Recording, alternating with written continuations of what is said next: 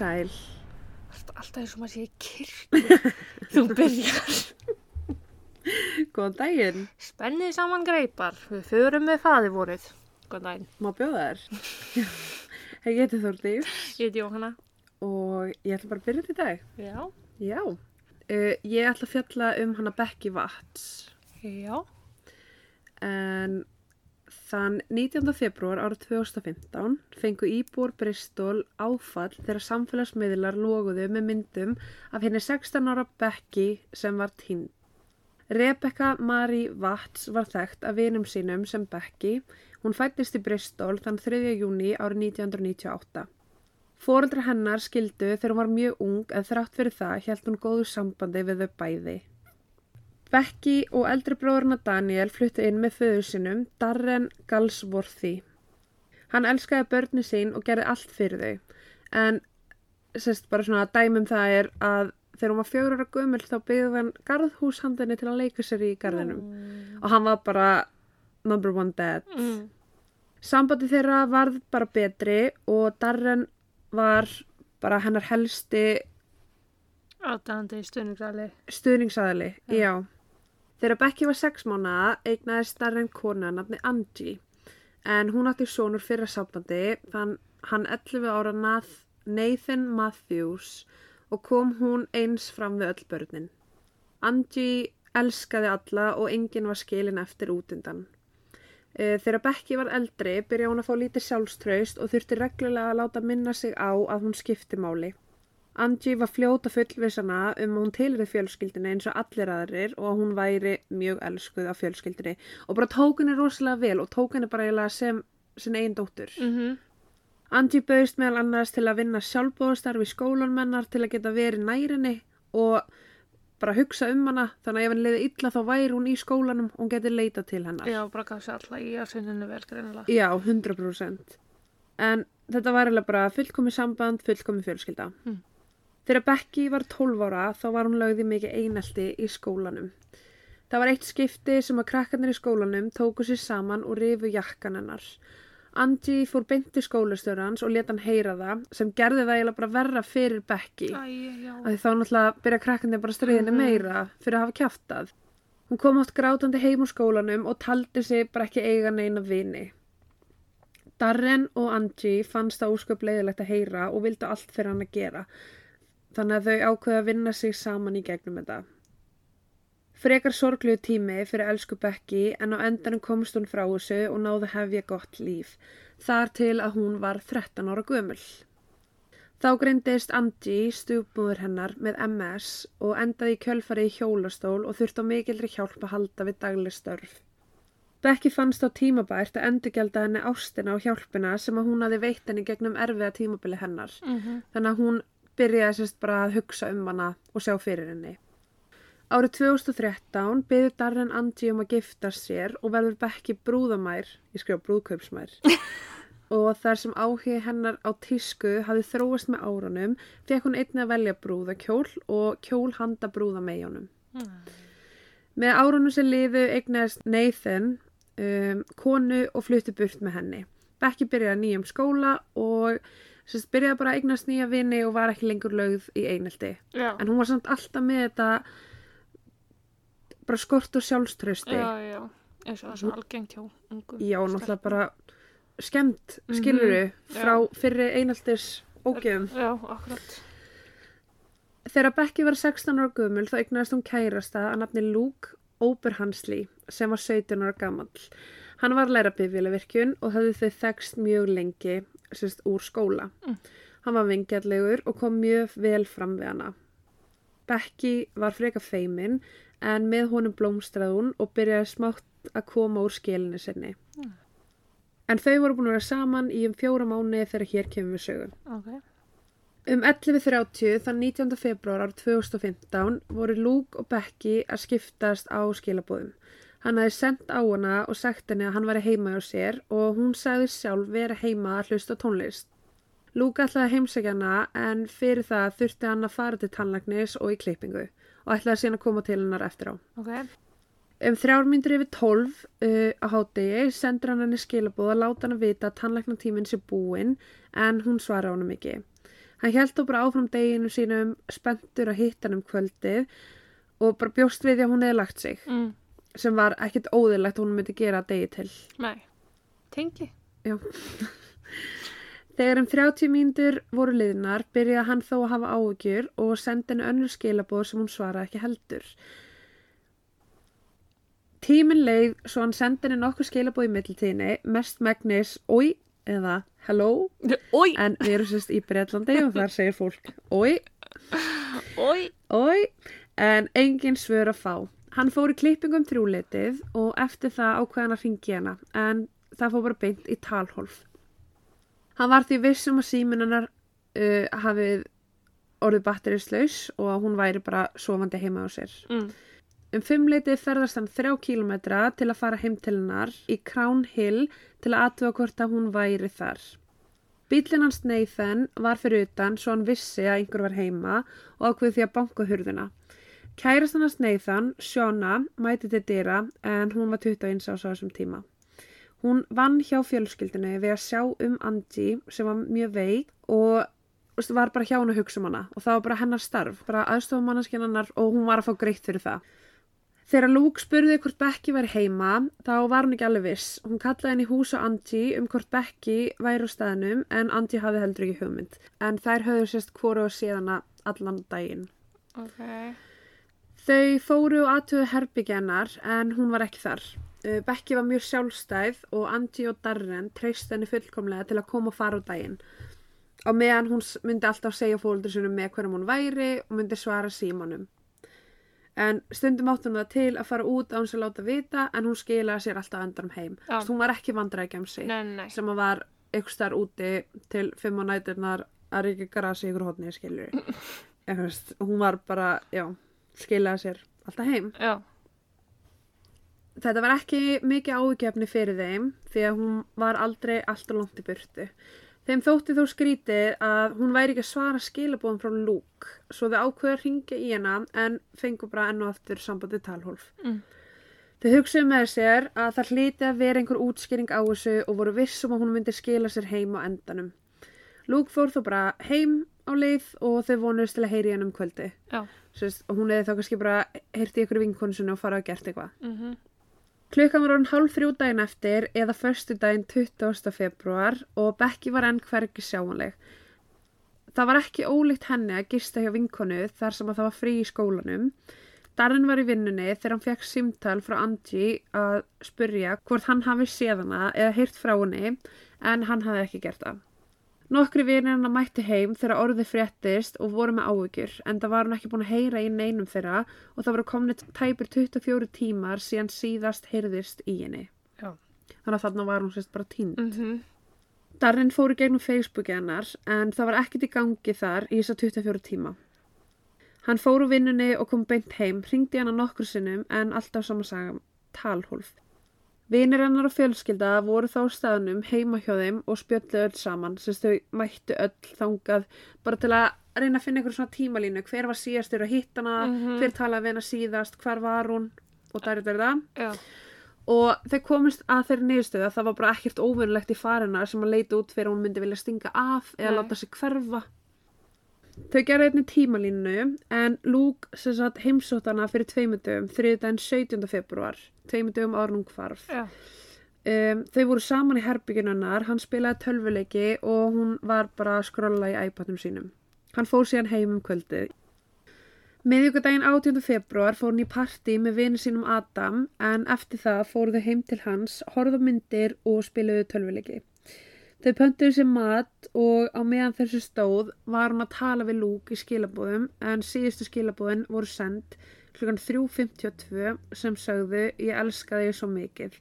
En Luke náðu sérst ekki svaraði að þeim var svoandi. Þetta var sérst um nóttina, Já. aðfara nótt 50 dags. Hún gisti hjá Adam vini sínum og kom snemma heim um morgunin eða um klúan hálf nýju. Uh, Andi vaknaði við það að Becky var að banka hurðina en hún þurfti að komast inn því að líkillin hennar var fastur í skránni. Sest, eftir hún var búin að gista hjá Adam var komin heim þarna um morgunin, Mhm. daginn eftir á 50 dags morgun. Uh, Andi opna fyrir henni, hún fyrir beint upp í herbyggi sitt og byrjar að spjalla við Luke í gegnum skilaboð þar sem þau ákveða að hitta setna þann daginn. Sýstu að hann alltaf í klippinguna og Já. tannlæknis. Já. Angie fór í læknistíma klukkan 11 um morgunin og skildi Becky eftir eina heima. En stuttu eftir læknistíman þá komu Nathan og Shona og tveggjur og dóttið þeirra heim til að gera allt klárt fyrir. Eh, Þegar þau komu þá hittu þau ekki Becky en þau heyrðu tónlist komun herbygginn hennar og voru bara hvað já, Becky er uppi. Shona var sérst bara að mæti vinnuna og Mhm. Nathan bókstæla var bara að hitta mömmu sinna með barnabarnið Mm í leiðinni. Já. Nathan fór beint inn í stofu og Shona fór út að reykja síkaretu. Um 15-20 mínutum setna, eða um 11.30, heyrðu þau Becky koma niður og skella út í hurðinni. Þau gerðu ráð fyrir því að Becky hafi verið í eitthvað leðlug skapi því hún sagði hvorki hægni bæ. Angie kom heim úr læknistímanum klukkan 12.45 og um þeim leitið kemur Luke heim þegar að leita Becky. Mm Þess, þetta er bara það sem var að gerast þennan dag sem hann hvarf. Já. Hún var þá búin að vera í burtu í tæpa 5 tíma og hafði ekki svara neinum skilabóðum eftir 11.30 þegar hún fór út úr húsinu. Þegar Nathan og Shona heyrði hann að skella út úr hurðinni og fara. Þannig að þau voru síður sem að vissu Já, af hún, henni. já, hún reyn bara hljópnaði stegan, hljóp út, skellti hurðinni og hún saði ekki eins og bæði þau. Og þau bara eitthvað, ok, Becky er í fúlu skapi, skilur við. Mm. Uh, leita í herbyggin hennar og það var alltaf á sama stað, ekkert óvinnulegt en það voru nokkur hlutir sem hún átti sem hún voru ekki staðnum meðal annars símin hennar, iPad og nokkur föt. Uh, það þótti benda til að hún ætlaði að fara að gista einhver staðar en skildi þó hleðslutækin fyrir allt þetta eftir ásamt veskinu sinu, málingadótinu, tösku, tambusta og svoleiðis framöfti göttunum. Ok. En sérst mjög spes að taka með tölvunina en ekki hlæðslutækið Mhm. og síman og ekki hlæðslutækið og þeir eru 16 ára að taka ekki málningadótið þitt með. Já. Já, ég að vera með allt í vaskinu þegar ég var 16. nákvæmlega, þú, var alltaf með eitthvað. Dream Matt Moose. Þau gengum hverfið og endanum hringdi Darren í laurugluna og var þá í fyrst skipta tilkynnan týnda. Þetta var sérst bara fjölskyldan að leita og bara býtu þetta vantar, þú veist hvert fór hún. Mhm. Nathan hjálpaði til við að setja myndaðin á Facebook til að lýsa eftir hann á samfélagsmiðlum í vonum að einhver myndi sjá hana þar og láta vita.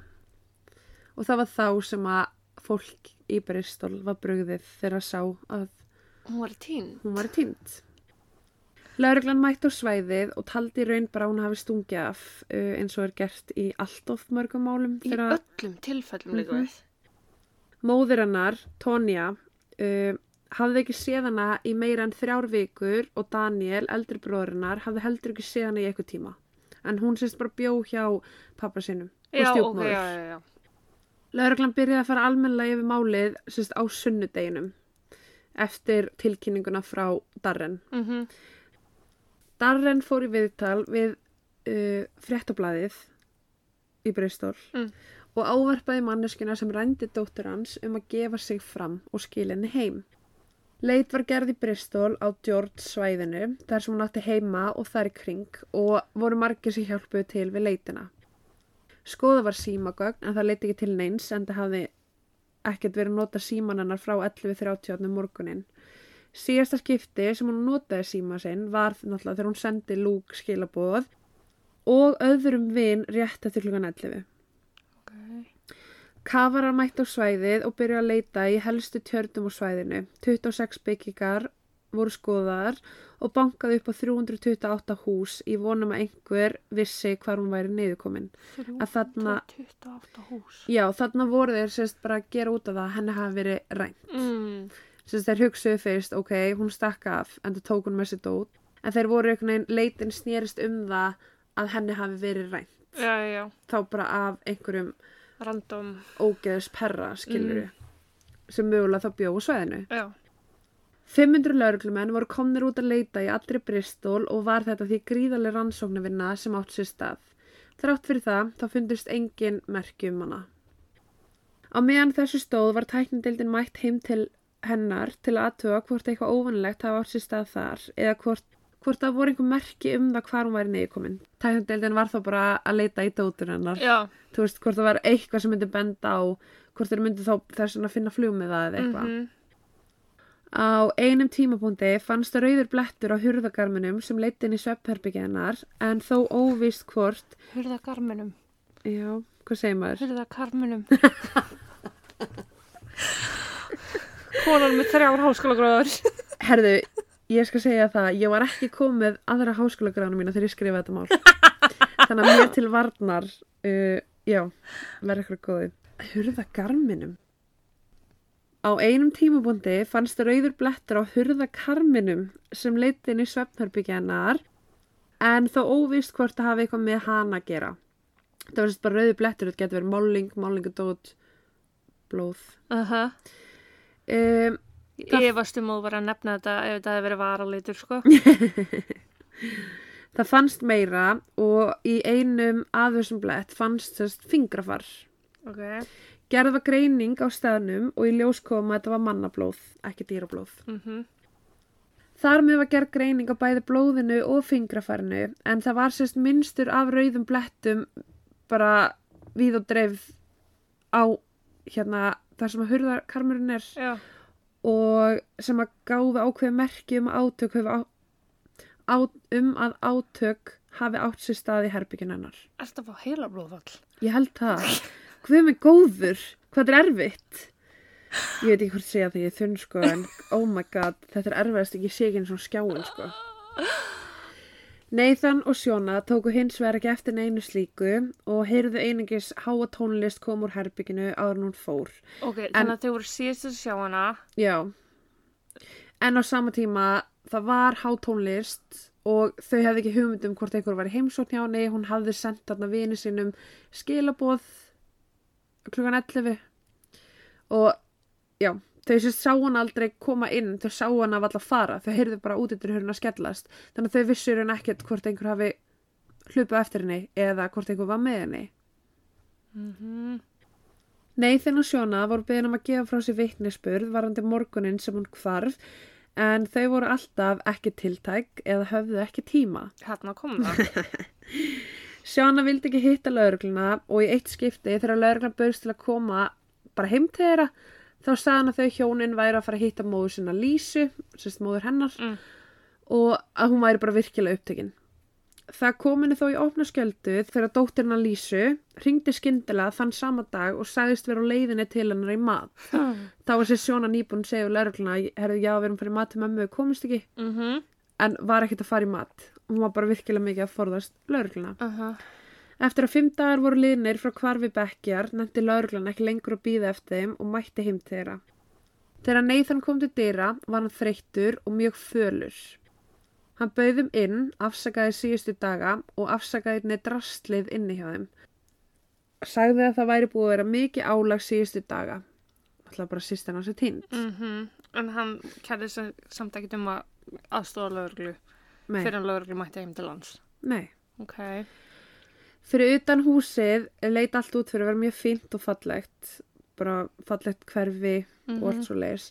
En þegar lauruglumenn komu inn var allt ógislegt. Það var drasl og rusl og migla út um allt.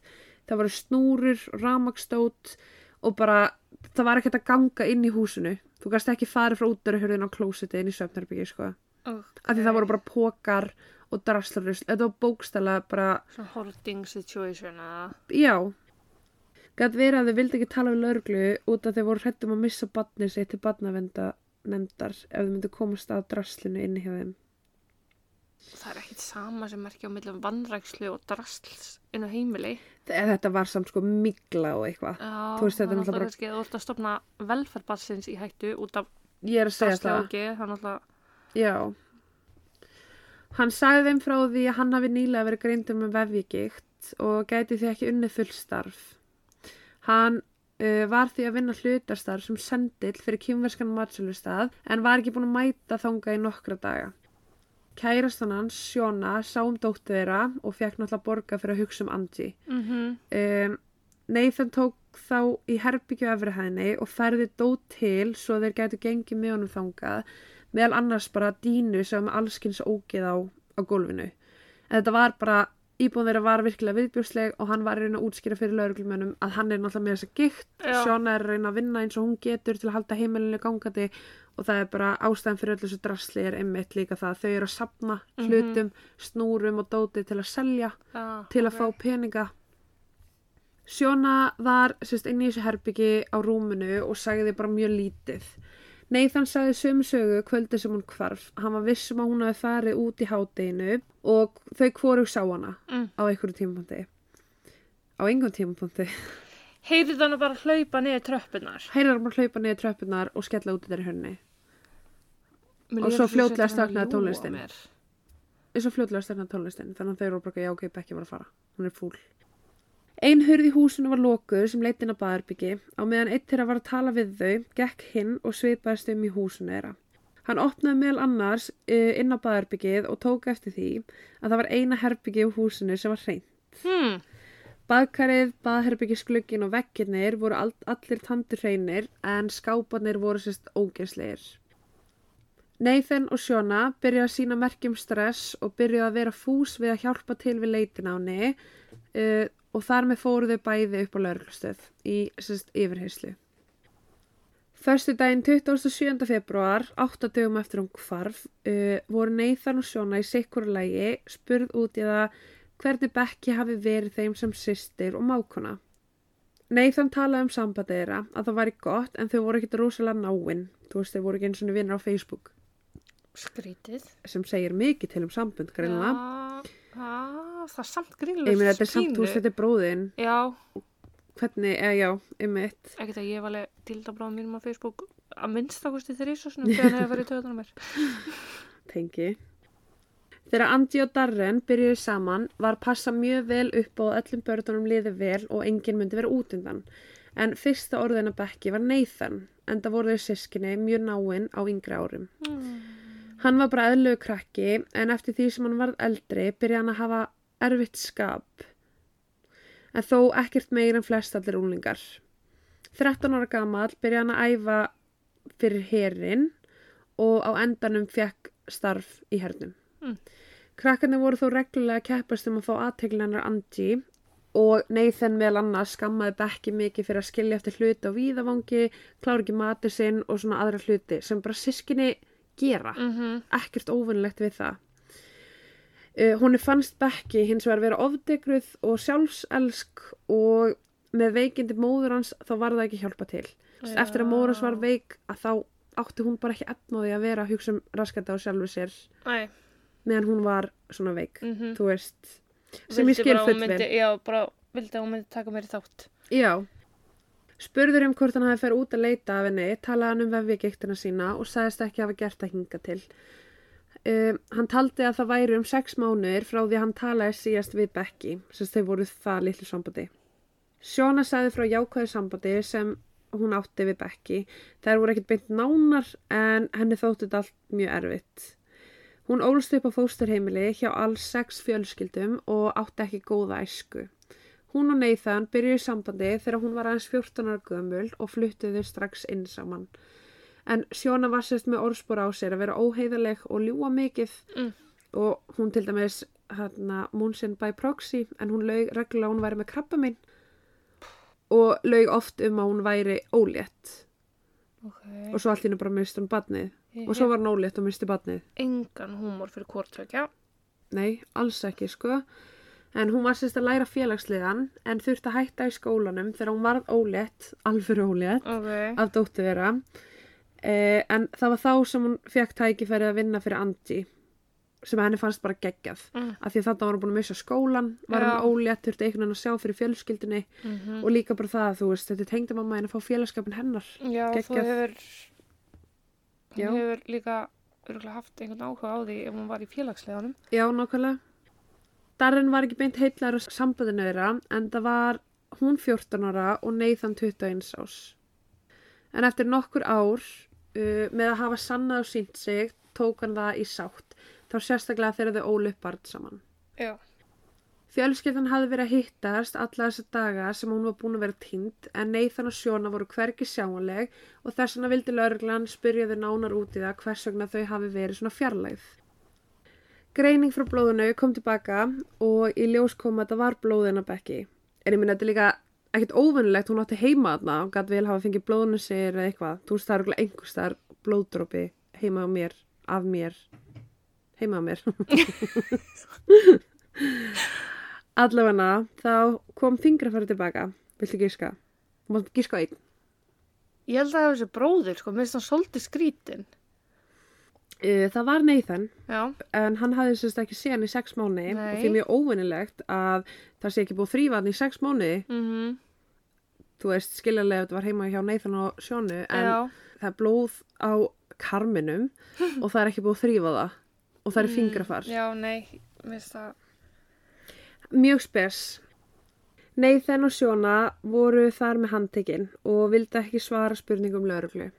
Notuðu bara Fifth Amendment, no comment. mm, Leitin held áfram og fóreldra Nathans vissu að þau hafi verið handtekinn en heldur þó leita áfram og töldu bara að væri einhvern miskilningur í gangi. mhm, Laurugla baði vitni um að koma fram sem gætu mögulega hafa séð bílinn hans á þessum tíma en enginn fannst. Farið var heim til þeirra með tæknideild til að finna einhver sönnagögn sem gætu tengst kvarfinu á bekki. Uh, þau fundi fullt af hlutum sem vöktu mikinn áhuga, meðal annars uh, mótti úr bílnum hans Nathan sem að var sérst inn í baðherbyggiskápnum mm. einmitt. Uh, tvær stöðbissur sem voru ólulegar Taserguns. Já, og bara hitt og þetta, eitthvað svona skrýtna hluti sem þau voru bara eitthvað af hverju eru þeim þetta. Mhm, Það var sérst, tækndeildin fór heim til Nathan og já, Vopnin gáttu gefið rafstuð yfir 8000 volt án þess að skilja eftir einhver merkjum það. Það var það stert. Blóð fannst að efri hæðinni og var það sendt í greiningu. En það fannst sérst ekkert DNA frá bekkin á baðarbygginu en það var ljóst að einhver hafa notað klór til að þvó baðkarið og í kringum það en þau vissi ekki hvers vegna. okay. Kvittanir fundust heima á þeim með dagsendingunni 20. februar sem daginn eftir um hvarf. mhm, Einn þeirra var 88 pund þar sem keift vor, voru glerugu, andlitsgríma, hanskar og ringlaga sög. Eftirlýsmyndaðar frá búðinni síndu að Nathan kom þarna 1 kl. 12.50 klættur í öllu svörtu. Hann var að skoða nokkra vörur áður en hann valdi sérst, að kaupa þessa sög. mm, Afgriðslumadurinn mann eftir honum því þegar hann var að borga þá neyta hann að verðið væri svona mikið og vildi sérst fá afslátt. Og afgriðslumadurinn eitthvað, uh, já nei, ah, en þú getur náttúrulega bara keipt hann annars þar og hann sagði bara, nei ég þarf þetta núna, í dag. Þannig að hann ákvað bara að láta verða að því skilur og borga fullu verði. að þú ert að gera eitthvað svona, myndir ekki reyna að vera eins down low og þú mögulega gætir, Þú sko að fara sjálfs afgriðslukassan og hlaup út. ángríns, Setni kvittunin var daginn eftir eða þann 21. februar en þá var keipt límband, þrifurur, svampa og svartar ekki vita framaldi. sem ætti að teljast óvanlegt eitt og sér með hversu mikið ógeð var heima hjá þeim þú veist hvað hafa þau að gera við svamp Nú er það þrjá baðarbyggið. Lauruglan yfirheyrði þau bæði en þau voru hvoru fús með að svara spurningum lauruglu Lauruglan sagði Nathan frá því að blóð hafi fundist heima hjá þeim en hann spurði þó strax uh, var það á efrihæðinni og lauruglan sagði já Blóði var ekki tengt við Becky en þeir sleftu því að segja honum frá því en það vildur náttúrulega fá upplýsingar frá honum. Eftir mikla pressu brotnaði Nathan og sagði frá öllu. Á fimmtudaginn, þann 19. februar, fóru þau Sjóna heim til móður hans en amma hans hafi komið, sótt hana og skuttlaði henni í læknistíman þar sem að Sjóna beigð eftir hún kæmi heim til að hugsa um hana. Mm Í bílnum hafði hann stuðbyssunar, stórum póka, handi á teip á samt andlinskrímu. Hann hafði fundið upp á þeirri hugmynd að hræða Becky með því að ræninni en hann vildi sérst kenninni leksju því hann taldi hann að vera bara mjög sjálfhverfa. Bara einhver forréttinda pjesa. Já, og hún væri raun að hætta heilsunni hjá móður sinni. Og hann bara fílaði ekki að, sérst, að hún væri að láta Angie vera ágifull yfir einhverju sem Já. hún á ekki að þurfa að gera það. Að auka álægið. Já. Þegar þau komu heim til Darrell og Angie, þá fóru þau í stofuna, en Sjóna fór beint út að fá sér síkartu. Nathan fór í bílinn og náði dótið þar og kom, sérst, tók það inn í húsið. Hann bankaði hurðinni á Becky sem að öskraði hvað og spurði hvort hann mætti tala við hana. Hún opnaði hurðina og hann með grími fyrir andlitinu og hann notaði sérst tækju tól til að yfirbuga hana. Það átti sérst bara alltaf að vera eitthvað djók. Já, ég ætla að fara að segja mjög fyndið. Mm -hmm, ógislega fyndi en það eru við hérna grænjulátri Já, nákvæmlega. e, þegar þau voru miðjum átökum þá náði hún að taka af hann grímuna sem, hann, sem bara leta hann panika Mm. af því þá var hann bara eitthvað shit ok, hún veit þetta ég en ég menn halló hver annar átt að vera Já, sorry, en þú veist og að hann panikaði og kyrt hana þar til hún lést. Hann tók saman hluti sem að hún átti til að láta lítið út eins og hún hafi farið sjálfvilju út, setti það í póka og beinti bílinn. Hann setti líkið að bekki einni í bílið sinn en sem sagt Sjóna á meðan þessu stóð þá var Sjóna á neðri hæni og tók ekki eftir neinu sem að gerðist. Hún var bara út að reykja, þú veist, reykti greinlega bara kartón fyrir utan á meðan hann var að gera þetta og hann bara hljóp niður með líkið en að bekki í bílinn og hún var bara eitthvað ennþá að reykja síkartunum sína í garðinum. Bókstælega sem hann segir. Restinni af deginum eitti þau heimi af fóldrum hans eins og ekkert hafi gengið á en þau fóru svo heim um sjölitið og nota bene með bekki látna í bílnum. Mm. Þau stoppuð á kýmverska staðnum sem hann vann á og keipti sér mat til að taka með heim. Á meðan Sjóna svaf þá lættist hann út og náði allt drastlið og setti henni í húsið þeirra. Hann setti líkið af henni í baðkarið og semst, til að Sjóna myndi ekki fara þar inn þá sagði hann frá því að klósiti var bilað og lokaði sérst hurðinni og sagði bara þú getur ekki nota klósiti í dag. Hann læsti einni hurðinni inn á baðarbyggi þannig hún gati ekki fara þar inn. En þú veist, sko, ef Eithor myndi læsa baðarbygginu, ég myndi brjóta hurðina. Er ekki að míga? Já, byrju var hann eitthvað lengi. Nei, já, bara hann lokaði hurðina utan. Já, Já. hann bara læsti baðarbygginu og bara eitthvað, herði, klósti er stíplað eða bilað. Þú veist, ég hefði mig í baðkarið. En bara eitthvað svo læsti hann hurðinni líka, ég væri bara eitthvað, herði, ég er brjóta hurðina, sko. Já, hann sérst læsti hurðinni inn á baðarbyggi og fór síðan bara út að stúsast og gera eitthvað. En það var þeim tíma sem að þetta var hann að daginn eftir, Bekki var hann tínt, þannig að þau fóru heim til fóreldra hans og allir voru eitthvað að leita Bekki og eitthvað. Þannig að hann skildi hana bara bókstela þar eftir. Um, þegar hann kom tilbaka þá reyndi hann að skera líkið í minni bita svo myndi passa sérst í póka. Það hins vegar virkaði ekki þannig að hann fór og kefti sög til að nota hana og nota benum að spyr sig uh, heyri sjón ekkert í því einhver sem er sög já, nema þetta er keðjusög sko Já, en Mm. frekar. er er, er sjón bara ennþá út að reykja garðinum skilur og heyri bara, ekki hann er bara að laga klósetti með keðjusjöðinni. greinilega, greinilega einhverju dögum síðar áður en að lauruglan kom heim þeirra þá tók hann alla hlutina sem hann hafi notað á samt líkinu og fór með það í garðgeimslu hjá vinu sínum Hann sagði þeim ekki hvað var í pókanum en baði hann um að geima þetta drasl fyrir hann þar til hann geti komið og sóta og nota byrja hann sagði drasl. Já, En hann semst að segja frá lauruglu frá því hvað þeir heita. Semst þessi vinir sem áttu garðgeimsluna. og er líki ennþá í gardgeimslunni. Góð spurning. Ok, Sjóna vissi ekki neitt af þessu og Nathan tók það fram að ef hún hefði vitað það þá hefði hún hringt strax á laurugluna. Hann var því ákærið fyrir morðið á sýstu sinni, Becky Watts. Lauruglan leita á svæðinu þar sem hann sag, sagði að líki hennar væri en þar tók á móti honum 29 ára gamall maður sem sagði að tvíbrabróð sinna ætti heima hana. Hann leiði þeim að koma inn og sérst bara leita í húsinu Mm. af því að Nathan var búin að segja herri og líki er þarna í þessu húsi. já. Úti á verund var garðhús og timburgirðing á samt grilli eins og Nathan hafi sagt frá. Það voru nokkri svartir ruslapokar sem búið var að hlaða í hornið. Uh, blátt plastboks, fjóra ferðartöskur og annað drasl. Í fyrstu ferðartöskunni sem þeir skoðuðu fundu þeir hendi sem var skorin frá úrliðnum og negluna voru hornar af. Í þessari sömu ferðartösku var hnífur, skæri, skrújátt, glerugu, tvær grímur, styrtuhengi og tvær flöskur af stípluiði. Í annari tösku var sög með blóð á og aðra líkamsleifar. Talva, iPad, sími og annað fannst einni í töskunni ásamt málingadóti, skópari og fötum af konu. Mm. DNA frá líkinu var borið saman við Becky og í ljós kom að þetta var hún.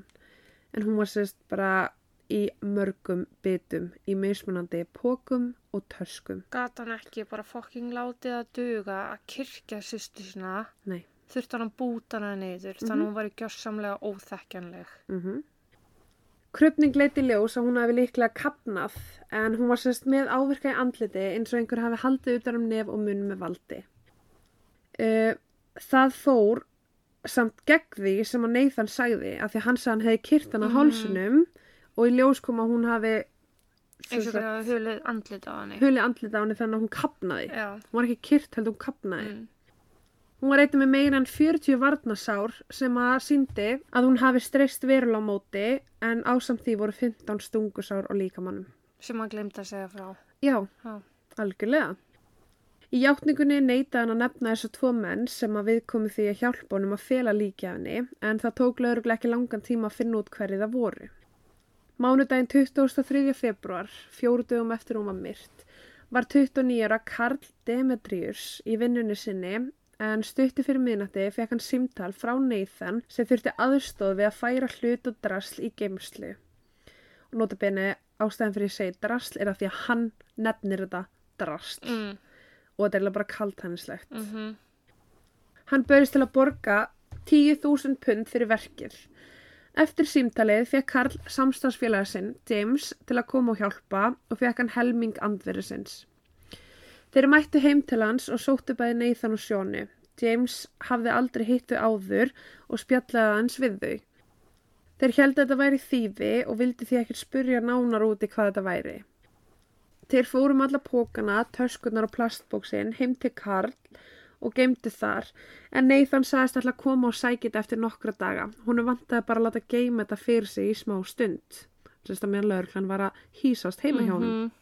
Hnýsast. Já, Ég held að það var glemt helmingnum að heiðunum að er í þessu brúðköpi gerð. Sko. já, ég held ég að við gert það sko. Ég, ég þarf að fara að sækja það tilbaka. Sjálfsvinninguna í leiðinni. Guð mig góður. Uh, Sjóna sagðist ekki að hafa haft neina hugmynd um hvað hafði gerst og var bara miður sín en það var hún bara út að reykja meðan allt þetta gekk á. Ég trúi því ekki fyrir fimm auðra. Mm Hún sagðist hafa farið snemma að sofa uh, kvöldi sem að þau komi heim frá tengdafólundu sínum. Þú veist, ok, notabene baðkarið þeirra er stíplað. Já, Hvernig getur þú farið snemma að sofa á hans að míga? Hvað er fokkanum mykstu? já. Hún man eftir því að Nathan var að hjálpa vini sínum að flytja dót en James vittnaði fyrir það að Shona hafi verið með. Þannig að hún hafi raun vitað. Já, Já. Ok. Og- já, þá er eins og Nathan hafi verið bara, hei, já, þetta er vinkona mín, þannig að ef þetta myndi komast upp og þá myndi James segja, já, vinkona svo meðan ekki konan hans. Til að reyna að halda henni frá þessu. Bara til þess að fylla um. Já, einnig bara, ok, kærastinn er að losa sig við ykkur pókur heimilinu. Af hverju ekki að taka allt rastlið? Allt, hverju- allt hitt, já, Ég er að segja, þú veist, nákvæmlega. af hverju er bara eitthvað ein ferðartaska hér, ein hér, plastbóks hér og þrý svartir uslupokar. Já, Af hverju ekki bara drulla öllu út emmitt. Í staðin fyrir að líka bara hvað, var hann bara að velja handahófi heima og sér, bara mm, þessi, þessi Já, meikar og líka ef þetta er drasl og eitthvað svona dót sem Mhm. átt að fara að sorpu uh, akkur þetta geima það í garðinum hjá vininum, Já, en ekki á þú veist, hei. Jóhanna má ég koma og geima flöskur á pallininum farðu með það í sorpu skilur mm. Mm. ógislega spes og líka bara það að þau áttu enga pening þannig að hvers svona borga ykkur gæjum til að taka nokkra póka Það var það sem ég var að hugsa. þú veist, það var ekki svo breytt af því húsið er að var viðbjöður Já, ákól, já. þannig að, þú veist, að borga 10.000 pund til að losa sig við ykkur fimm póka á, á sorpu Er það ekki líka bara miljón eða eitthvað? það er ógeðslega mikill peningur Já. í yfirheyslu hjá lauruglu brotnaði Sjóna á endanum saman og sagði frá því að Nathan hafi komið illa fram við hana allt samband þeirra Sjokkar. en hann var semst mjög afbyrðisamur og hún mátti varla fara út úr húsi til að hitta hana fólk nema hann fengi að koma með. Hún held áfram að neyta öllu hvað var það morði á Becky en lauruglan fór í gegnum síma, tölfur og bara allt sem er gátu til að finna réttu svörin. Mm. Það var meðal annars tveimu mánum áður en að Becky lest eh, sem Nathan sendi henni skilaboð og sagði henni að koma heim með tvær sætar ungar stelpur og hún svaraði, lol, já, ég ræni þeim bara úr skólanum. Sjóna sendi svo nokkur setna almost knocked her out to take her home og Nathan skrifaði don't you almost me now, do it bitch. Sest, hann er að hvetja hana til að ræna ykkur stelpu Já. heim. Hún sagði að þetta hafi verið djók þeirra á milli. Uh, Haha. er einhver í salnum að hlæja? Nei, ekki sála, sko. Ég held ekki. Í ljós kom á einnig töskunni var DNA úr sjónu sem að gaf til kynna að hún hefði snert töskuna en það var þó ekki nóg til að sagfella hana. Af Því að hún var heima hjá þeim. Já. Það fannst bólur af henni í einnig töskunni og í einnig af grímunu sem fannst var hennar DNA. Þannig að það var ljóst að hún hafi verið með grímun á sér. Einmitt. Þar með var búið að negla hana líka og því ljóst að hún var partur af þessu allan tíman. Hún var ekkert út í síkó. Nei, alls ekki. Angie fór klukkan 11 þann morgun og skildi Becky eftir eina heima. Nathan og Sjóna koma þá heim og ráðast á hana. Sjóna keipti stöðbissunar mánuði fyrir morðið á henni svo ljóst var að það hafi verið planað í að minnstakosti mánuð áður.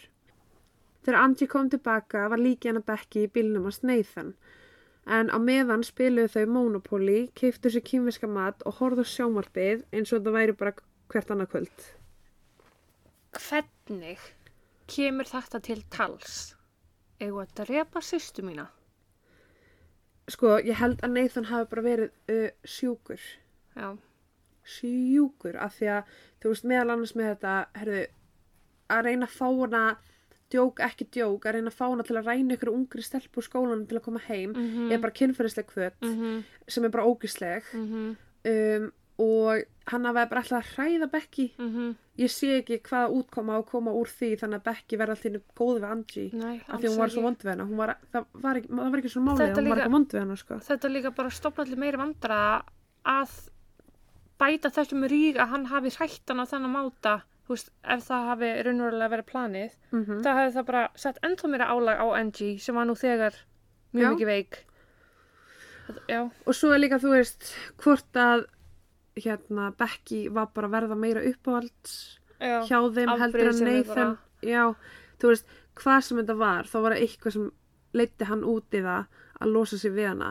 Og þú veist, hans kvöt, bara drápskvöt, Mhm, var það sterk að hann þurfti að losa sig við hana til að fá eitthvað í staðinn. mhm. Baðkarið heima hjá þeim var tandurhreint og þessi aðferð við þrifa baðinu var kendi hernum til að þrýfa hvern einasta blett sem gæti hafa yfirsest. Mm. Þannig að, þú veist, ef hann hefði ekki þrifið baðherbyggið svona óbúslega vel, þá væri möguleiki á því að þau hafa komist upp með þetta. Af því það er eina sem vakti aðtegli rannsóknarlaurlunar. Mhm. Sest, sá sem að leita inn og bara eitthvað af hverju baðkarið svona hreint með klór, Já, en það eru fokkin Alltaf. rottur hérna fyrir utan, skilur og bara hundakúkur eða eitthvað. akkurat. Þú veist þannig að ef hann hefði ekki gert þetta, þrifið baðherbyggið, þá hefði lauruglan aldrei grunnan. Nei. Það var það eina. Jú, og fingrafari síðan meir. Já. En það er alveg, með þetta fingrafar, það er alveg að segja, herði, já, þú veist, þetta er áttabána gamalt, hún fekk blóðinu sér og ég bara pota í þetta, skilur. Mhm. Það er ekki næg sönnugögg til að sagfælla einn neitt. Nei. Nathan fekk 33 ári fangilsi, Sjóna fekk 17 ár, Karl fekk 2 ár fyrir að vera samsegur Mm. og James fekk 16 mánuði. Og þrátt fyrir að Karl og James uh, vissu ekki að í pókanum væri lík, þá samt sem áður fengu þeir dóm. Mér finnst það bara hlæg.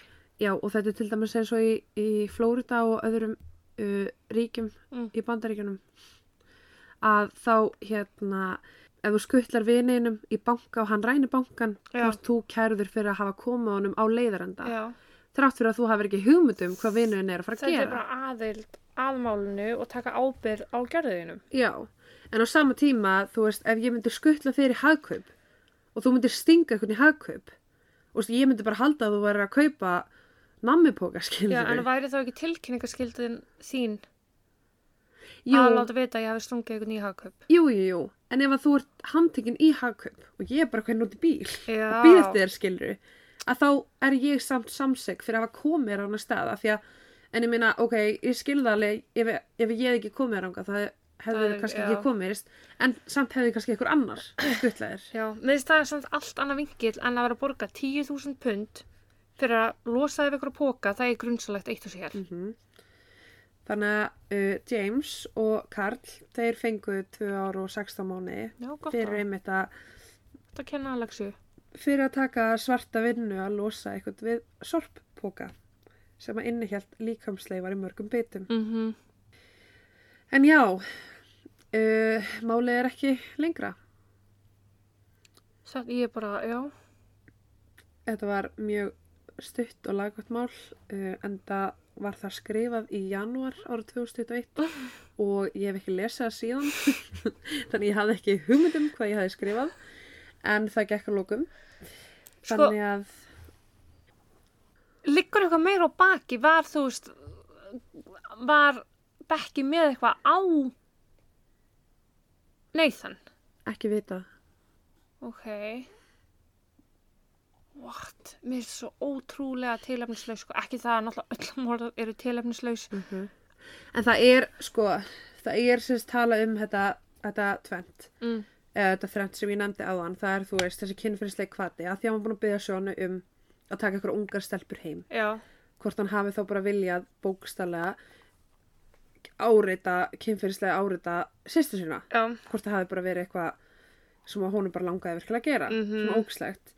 Eða þá þetta með að því Andi var hún veik og hann vildi fá bara, að, já, að erfa sérst allan peningina því að hann átti engan pening greið þú veist og hann var að sapna ykkur snúrum eitthvað til að selja og hann hugsaði kannski bara herri, ok, mamma er að deyja skilur og Becky er miklu meira uppáhalds heldur en ég. Þannig að hún lítur, Becky lítur að fá allan peningin Mhm. þú veist, ég vil fá peningin mm og ég meina hvað var þá næst á dagskrá? Ætla hann þá kannski að drepa mömmu sinna til að fá peningin strax drepa Darrell, þú veist, maður veit ekki. Nei, hvað planið, að að hann, þau voru það siðlaus að geta gert þetta eitt á sér og fara að spila Monopoly með kýminskan takeaway á Já. meðan þetta. hans frá sko sex mánu aldri var látin í bílnum hans. Becky þekkti bókstælega ekkert annað en að hafa bróður sinni í lífsinu og hann var sá sem að drapa hana.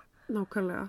Og greiði Angie að þurfa að bera þetta að sonur hennar hafi drefið dóttur sína. já, Og er enn flóknara að því að hún er ekki blóðtengdini og samvinskupið sem kemur þar að hennar eigið holdablóð hafi drefið. Úff, já, en já uh, það var ekki meira í bíli þannig að ég segi bara takk og bless takk fyrir. takk og næst